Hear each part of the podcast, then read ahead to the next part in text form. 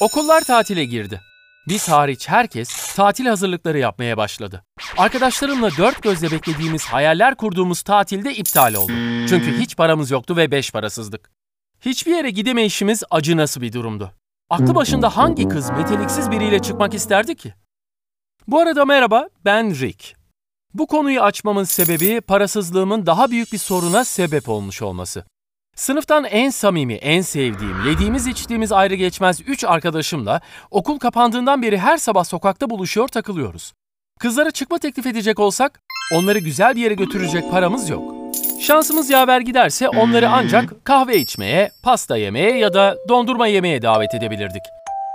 Gerçekleri kabul ettiğimizde mahallenin sokaklarında takılıyor, çevreden geçenlere şakalar yapıyorduk.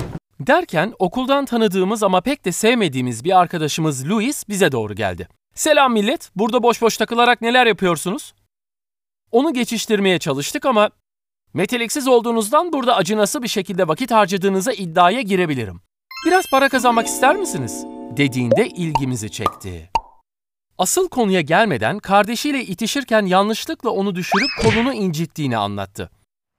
Kolunu kırdı mı incitti mi korkusundan onu hastaneye götürmek zorunda kalmış. Doktor çatlağı olduğunu söylemiş. Annemin öğrenmesini istemiyordum. Hastaneye neden gittiğimize dair bir bahane üretmem gerekiyordu, dedi Louis. Kan bağışı yaparsa bir miktar para kazanabileceğini öğrenmiş. Annem hastaneye kan bağışı yapmak için gittiğimi düşünecek, dedi bize.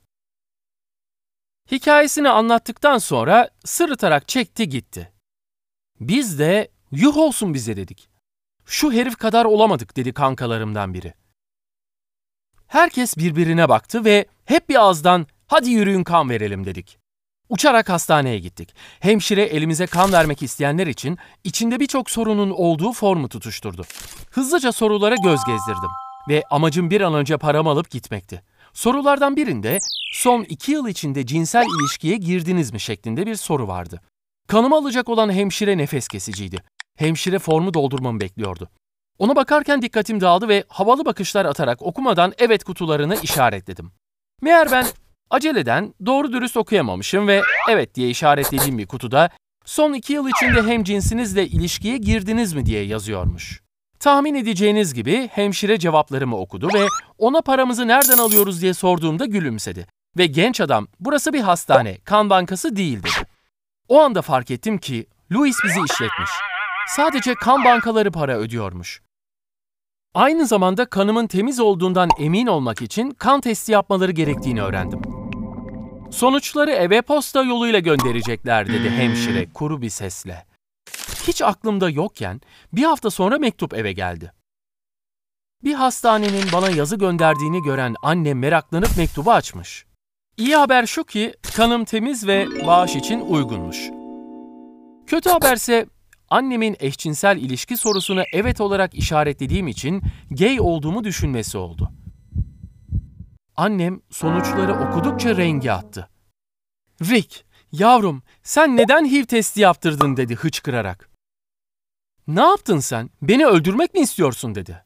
Bana sorarsanız biraz abarttı. Ellerini kollarını havada sallıyor, derin nefes alıp veriyordu. Gerçekten şaşkın durumdaydı. Ayrıca kardeşim de oradaydı. Bak sen şu işe. Meğer eşcinsel olduğunu bizden saklıyormuşsun ha dedi.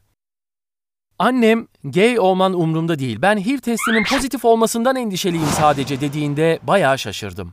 Anne düşündüğün gibi değil lütfen izin ver açıklayayım. Onun daha fazla üzülmesini istemiyordum. Durumu açıklayıp ona hastaneye sadece kan bağışı yaparak biraz cep harçlığı edinme niyetinde olduğumuzu söyledim. Para niçin lazım diye sordu annem. Ben de kızları dışarı çıkartabilmek için anne dedim. Tavırları bir anda değişti. Gözyaşlarını silerek ''Of Rick, beni hayal kırıklığına uğrattın. Kan bağışı insanlara yardım etmek için yapılır, kızlarla çıkmak için değil.'' dedi. Galiba annem o aşamada epey rahatlamıştı. Kardeşim de benimle kuş beyinli çapkın diye dalga geçti. Ama bundan daha kötüsü, kardeşim sonbaharda okullar açıldığında bu olayı okulda ballandıra ballandıra herkes anlattı ve sürekli bana göz kırpıp pis pis güldü.